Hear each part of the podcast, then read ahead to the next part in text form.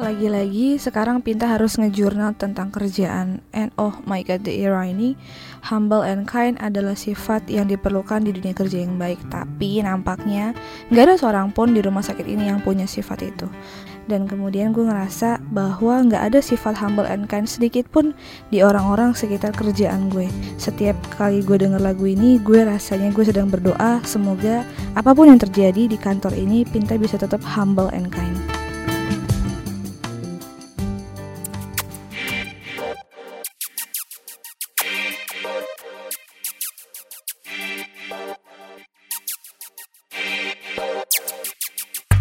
Hello Warriors, ketemu lagi sama Kevin di podcast Disco, diskusi psikologi, persembahan Into the Light Indonesia. Hapus stigma, peduli sesama, sayangi jiwa.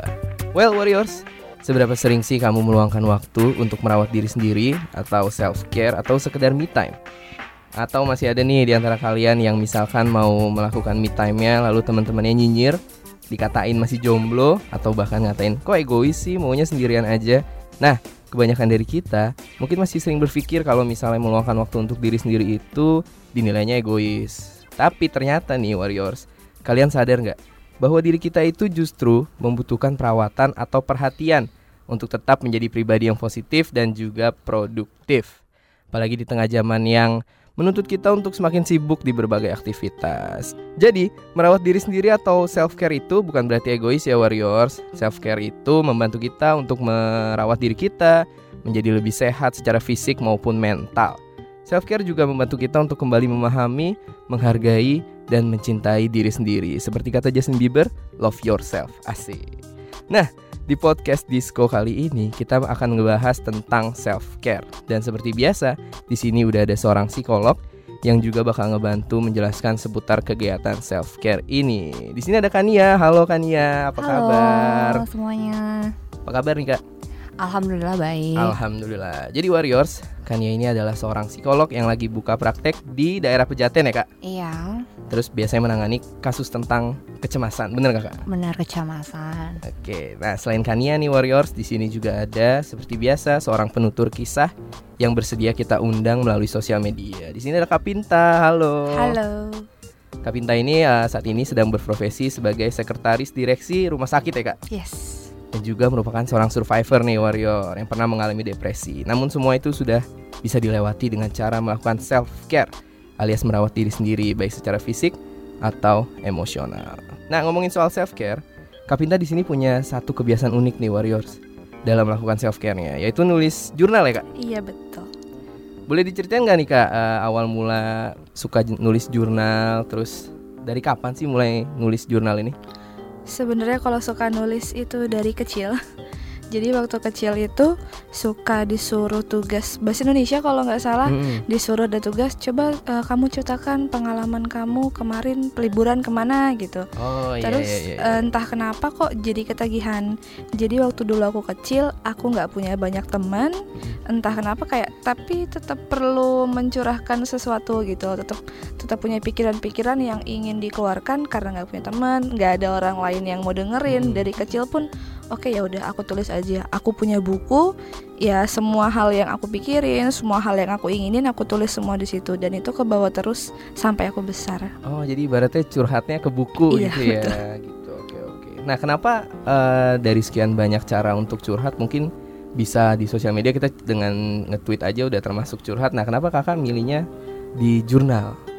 Eh, selain karena aku suka nulis Mm-mm. gitu ya kalau buat aku eh, ketika aku nulis itu ada sesuatu hal yang membuat perasaan aku lebih senang dia lebih tenang dibandingkan dengan hanya typing atau dengan Oh, iya, iya. ngomong via mulut mungkin karena aku lebih nyaman ketika aku menulis gitu Hmm. jadi eh, hal-hal yang aku tuliskan itu ketika kemudian dia sudah selesai aku baca lagi oh di situ aku ngerasa ini membuat aku merasa lebih enak gitu membuat aku merasa lebih baik dengan aku selesai nulis oke aku lega gitu. Hmm, Kalau boleh tahu nih kak isi jurnalnya apa aja sih? Em, jadi salah satu hal yang sering aku lakuin itu adalah namanya bullet journal. Bullet journal itu dia adalah gabungan dari bikin diary, bikin to-do list, bikin planner sama jurnal. Jadi sampai saat ini aku masih memiliki depresi, se- masih berobat dan dari dulu aku merasa dengan aku menulis itu adalah suatu hal yang agak bisa membuat aku menjadi merasa sedikit lebih baik. Uh, aku nggak tahu kenapa memilih metodenya adalah dengan journaling, dengan bullet journal. Tapi di dalam jurnal itu aku punya hal-hal yang sedikit banyak bisa membantu treatment aku. Salah satunya di dalam jurnal itu aku bikin yang namanya mood tracker. Mood tracker itu adalah tulisan di mana kita dalam satu bulan kita ngedata perasaan kita hari itu kayak apa? Apakah kita senang, kita sedih, kita marah, atau bahkan merasa nggak ngerasa apa-apa? Itu kita bisa ngedata di situ. Ada namanya habit tracker. Itu kalau habit tracker itu lebih kayak perilaku fisik sehari-hari, makan, tidur, atau hal-hal yang harus kita lakukan secara rutin, termasuk minum obat dan hal-hal yang dibutuhkan lainnya. Terus jadi gunanya mood tracker sama habit tracker itu sebenarnya adalah kita bisa narik garis kalau misalkan di mood tracker itu kok kita banyak kan kita ngerasa lelah, kita ngerasa sedih, ngerasa marah. Terus ketika dilihat kembali ke habit tracker, oh ternyata kita kurang tidur atau banyak hal-hal yang seharusnya kita lakuin tapi kita nggak lakuin. Dan sebagai orang yang sekarang masih memiliki depresi, di bullet journal aku, aku punya yang namanya trigger tracker, uh, depression tracker, sama uh, catatan terapi. Jadi di situ aku nulis setiap kali habis ketemu sama psikiater apa yang buat aku di situ enak, apa yang gak enak, dan itu aku bisa laporan.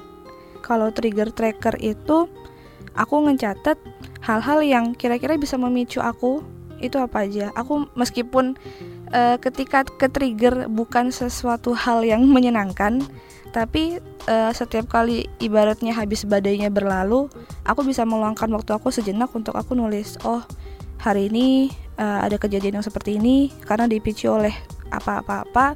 Tujuannya adalah mungkin aku bisa prevent itu untuk untuk diri aku sendiri gitu. Dan depression trackernya itu ada banyak uh, simptom yang aku tulis di situ entah itu lelah, marah atau bahkan ngerasa mati rasa. Itu di situ aku punya data sebulan uh, itu apa aja yang terjadi sama aku dan kalau menurut katanya si ibu terapis aku itu membantu gitu kan. Maksudnya dia juga bisa ngedata sebulan atau seminggu ini aku gimana gimana gimana. Berarti banyak banget tulisan-tulisan yang di dalam jurnal kakak itu yang benar-benar dari hati gitu ya selain salah satunya tracker-tracker yang tadi dibuat itu, uh, salah satu fungsi jurnalku adalah dia bisa jadi sebagai diary.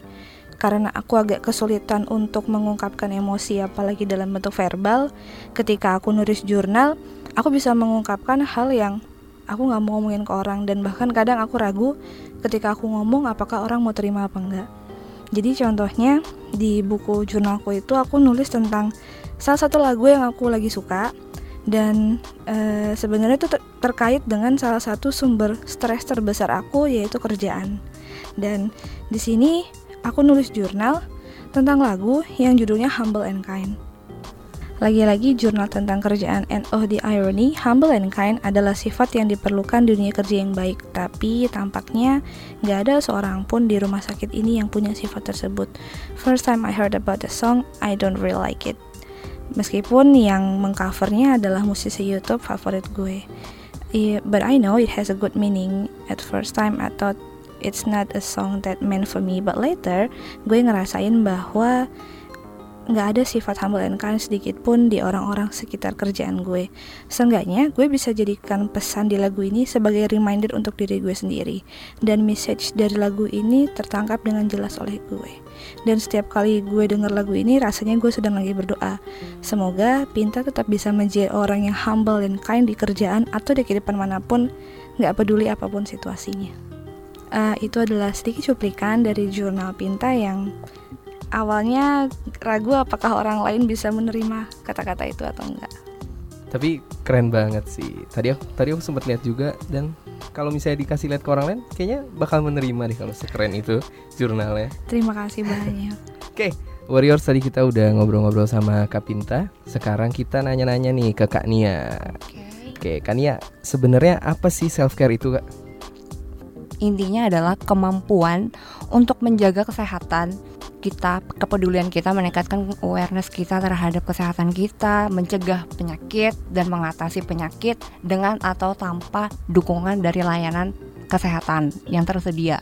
Gitu. Intinya adalah gimana sih kita memperdulikan diri kita sendiri itu satu. Baik fisik ataupun mental kita. Itu. Oke. Eh, idealnya self care itu seperti gimana sih kak? Atau mungkin eh, yang tadi udah kak Pinta lakuin dengan menulis jurnal itu udah termasuk? Oh ini udah termasuk self care loh? Atau mungkin kayak ada suatu eh, ini harus kayak gini nih self care gitu? Oke, self care itu tuh sebenarnya meliput dalam lima aspek. Satu, kebersihan. Dua, lingkungan. Tiga, nutrisi. Empat, lingkungan. Kelima, itu yang terakhir, sosial ekonomi. Yang tadi salah satu yang dilakukan oleh Pinta itu juga bisa masuk ke dalam lingkungan sebenarnya atau ekspres. Bisa juga masuk ke dalam gaya hidup. Kadang-kadang kan kita tuh orang tuh saking sibuknya suka nggak memperhatikan gaya hidup kita tidur kurang seperti yang tadi dilakukan di mood tracker, habit tracker itu kan sebenarnya membuat track-track keseharian kita ya biar kita membuat apa sih kayak evaluasi diri kita dengan itu jadi kita tahu oh gaya hidup kita mungkin selama ini ada yang harus diperbaiki nih itu juga salah satu bentuk kepedulian kita terhadap self care kita atau kepedulian kita terhadap diri kita sendiri Terus yang suka orang kadang-kadang lupa itu adalah satu yang paling penting makan. Makan itu kadang-kadang suka sepele ya, apalagi cewek-cewek maunya diet. Terus uh, makannya bakso yang pedes-pedes, nggak makan yang makanan-makanan yang bergizi bernutrisi itu kurang. Itu tuh berpengaruh loh tanpa kita sadari terhadap hormon kita, yaitu hormon do- dopamin. Hormon dopamin terus gaya hidup selain tidur yang teratur yaitu olahraga juga yang teratur itu untuk meningkatkan hormon non epinefrin kita. Terus yang terakhir um, yang juga bisa kita lakukan di dalam kehidupan sehari-hari adalah lingkungan dengan memberikan pelukan terhadap orang-orang terdekat kita. Kesannya sepele ya, tapi itu bisa meningkatkan hormon oksitosin kita. Oke kak, self care yang paling harus dilakukan itu sebenarnya lagi di kondisi seperti apa sih kak? Apakah orang harus di dalam kondisi tertentu nih harus ngelakuin self care atau mungkin ketika kita lagi happy happy aja tuh ya nggak apa-apa gitu lakuin self care gitu?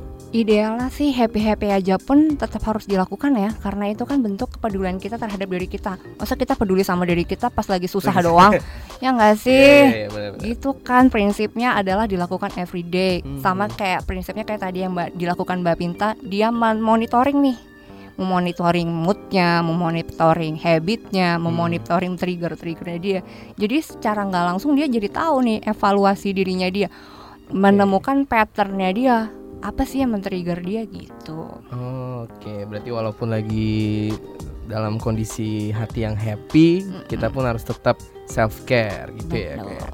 Nah, eh, manfaat self care tuh apa aja kak? manfaat self care itu macam-macam banget nih ya. Kalau dari pengalaman kasus yang pernah aku tanganin sendiri tuh orang yang kena diabetes mellitus pun kalau dia peduli, dia mau menjaga dia rutin menjaga self care-nya ini sebenarnya itu bisa meningkatkan tingkat kesembuhannya dia. Oh, Gitu. Berarti manfaatnya emang benar-benar buat diri kita sendiri Benar. gitu ya, walaupun kita lagi mungkin lagi ada sakit dan Mm-mm. dengan self care itu sebenarnya bisa menyembuhkan juga gitu ya. Benar. Nah, kebanyakan orang-orang tuh juga nyangkanya self care itu uh, hal yang besar-besar gitu misalkan. Hmm. Bisa juga sih kayak misalkan berhenti sosmed itu juga salah satu bentuk self care Oh, sebenarnya. iya. Tapi yang paling dasar itu tadi, makan teratur, tidur teratur, Mm-mm. olahraga dan tetap keep in touch sama orang-orang yang terdekat. Oke kak, kalau misalnya sekarang kan lagi kayak ngetren nih me time, me time Mm-mm, gitu. mm-mm. Nah kalau me time itu termasuk self care nggak sih? Kayak misalnya kita menyendiri, mungkin eh, me time-nya ada orang yang me time-nya dengan dia jalan-jalan sendirian, nonton Mm-mm. nonton bioskop sendirian, atau mungkin ada orang yang me time-nya cuma di kamar sendirian itu itu udah termasuk self care nggak kak? Kalau itu balik lagi ke individu masing-masing kan tipe orang beda-beda ya. Oh, apa yang iya, membuat dia aware gitu sama dirinya Ah, dia. Iya, Ada iya. yang eh, dengan dia bisa sendiri dengan dia me time itu adalah jenis self care buat dia. Intinya self care itu satu memahami dirinya. Kalau misalkan bertemu dengan orang-orang itu membantu dia untuk memahami dirinya, mem- membantu dia untuk me- eh, apa namanya menjaga kesehatan dia, why not? Tapi ada juga orang yang melakukan memahami patternnya dia dengan menjaga kesehatannya dia dengan menyendiri. That's not bad too. Oh, Oke, berarti nggak selamanya Ah, ah, self care benar. itu harus sendiri gitu ya. Betul. Tergantung kitanya. gue pengen merawat diri dengan Cara seperti apa? nongkrong sama teman-teman Mm-mm. gitu ya itu bisa ya. Maka kan enggak semuanya teman no- nongkrong itu tanda kutip In a bad buruk way ya, ya. betul. Ada juga yang positif pengajian gitu kan Iya. juga nongkrong ya. Karang Taruna juga bisa ya. Benar.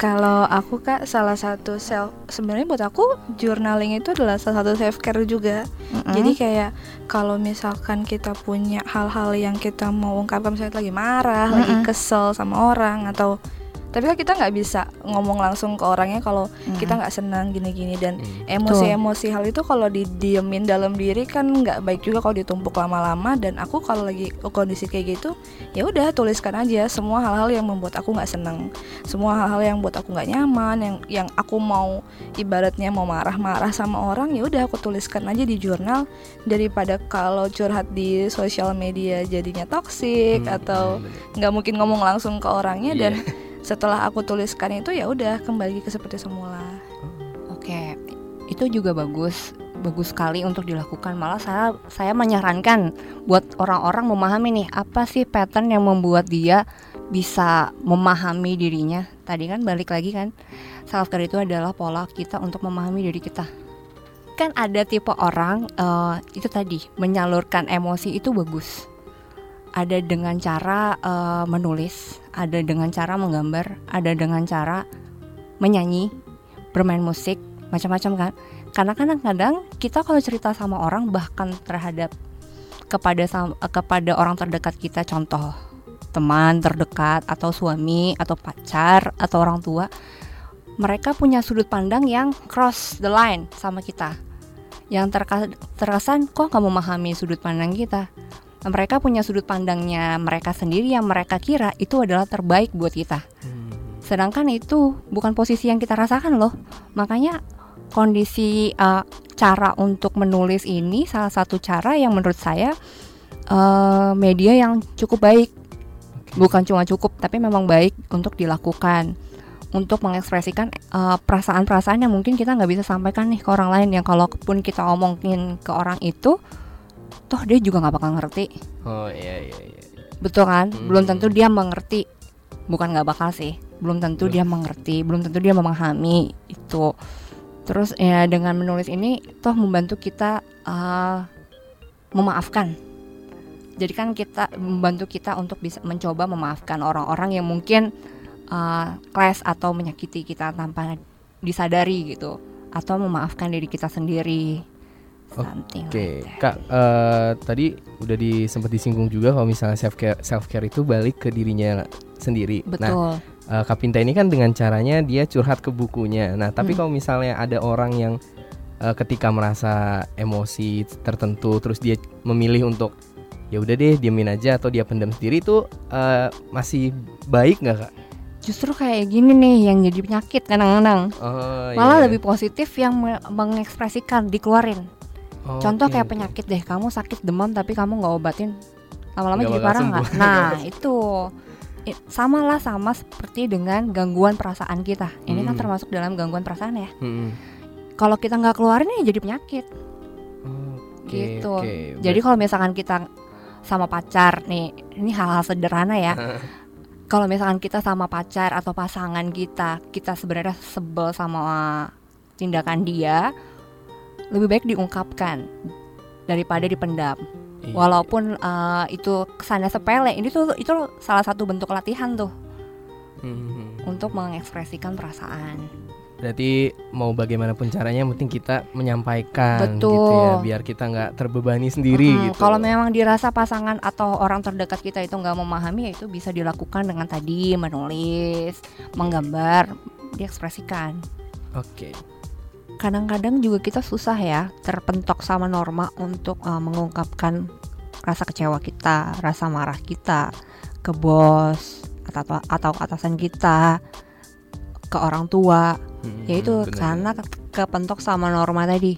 terlepas dari event niat baik atau apa kan tidak menutup kita nggak mungkin kita nggak ngerasa kecewa nggak Hmm, ngerasa betul. sedih nggak ngerasa ngedown dan itu kan nggak mungkin kita ekspresikan nggak mungkin secara verbal kita sampaikan Betul. bahwa kita merasa ada hal-hal yang nggak menyenangkan ke orang tua apa ke atasan dan untuk nge redam itu semua ya dengan caranya dinulis di jurnal ungkapkan aja apa yang menurut kita nggak enak tanpa kita harus terjadi konflik dengan Hmm, atasan atau dengan orang tua tulis aja yang penting setelah kemudian tuh kita lega dan ya udah semuanya lancar Betul. Oke, so warriors eh, dapat disimpulkan bahwa self care pada dasarnya adalah menempatkan diri kita sedekat mungkin dengan keseimbangan baik secara fisik maupun mental. Merawat diri sendiri itu sangat penting loh warriors karena hal tersebut merupakan bentuk atau tanda bahwa kita mencintai diri sendiri. Nah warriors, sesungguhnya setiap orang adalah penyembuh terbaik bagi dirinya sendiri. Setiap luka batin, masa lalu yang kelam, pacar yang ninggalin, itu cuma sebuah peristiwa. Peristiwa bisa disikapi dengan bijaksana dan setiap luka yang membekas bisa disembuhkan. Dan setiap hal buruk di dunia ini akan terus terjadi, maka maknailah semua luka itu sebagai ujian perjalanan hidup. Gitu kurang lebih. Nah, thank you nih buat Kak Nia dan Kak Pinta yang udah bersedia menemani aku siaran podcast di sini. Terus juga buat kalian-kalian para warriors yang mau mendownload dan mendengarkan podcast ini. Dengan mendengarkan podcast ini semoga kalian bisa membantu menghapus stigma di masyarakat, lebih peduli terhadap orang-orang di lingkungan sekitarmu, dan tentunya jangan lupa untuk menyayangi diri kamu sendiri. Termasuk dengan self care tadi ya warriors. Nah, sampai ketemu di podcast episode selanjutnya yang pastinya sama Kevin. Don't forget to be happy and live to the fullest. Bye.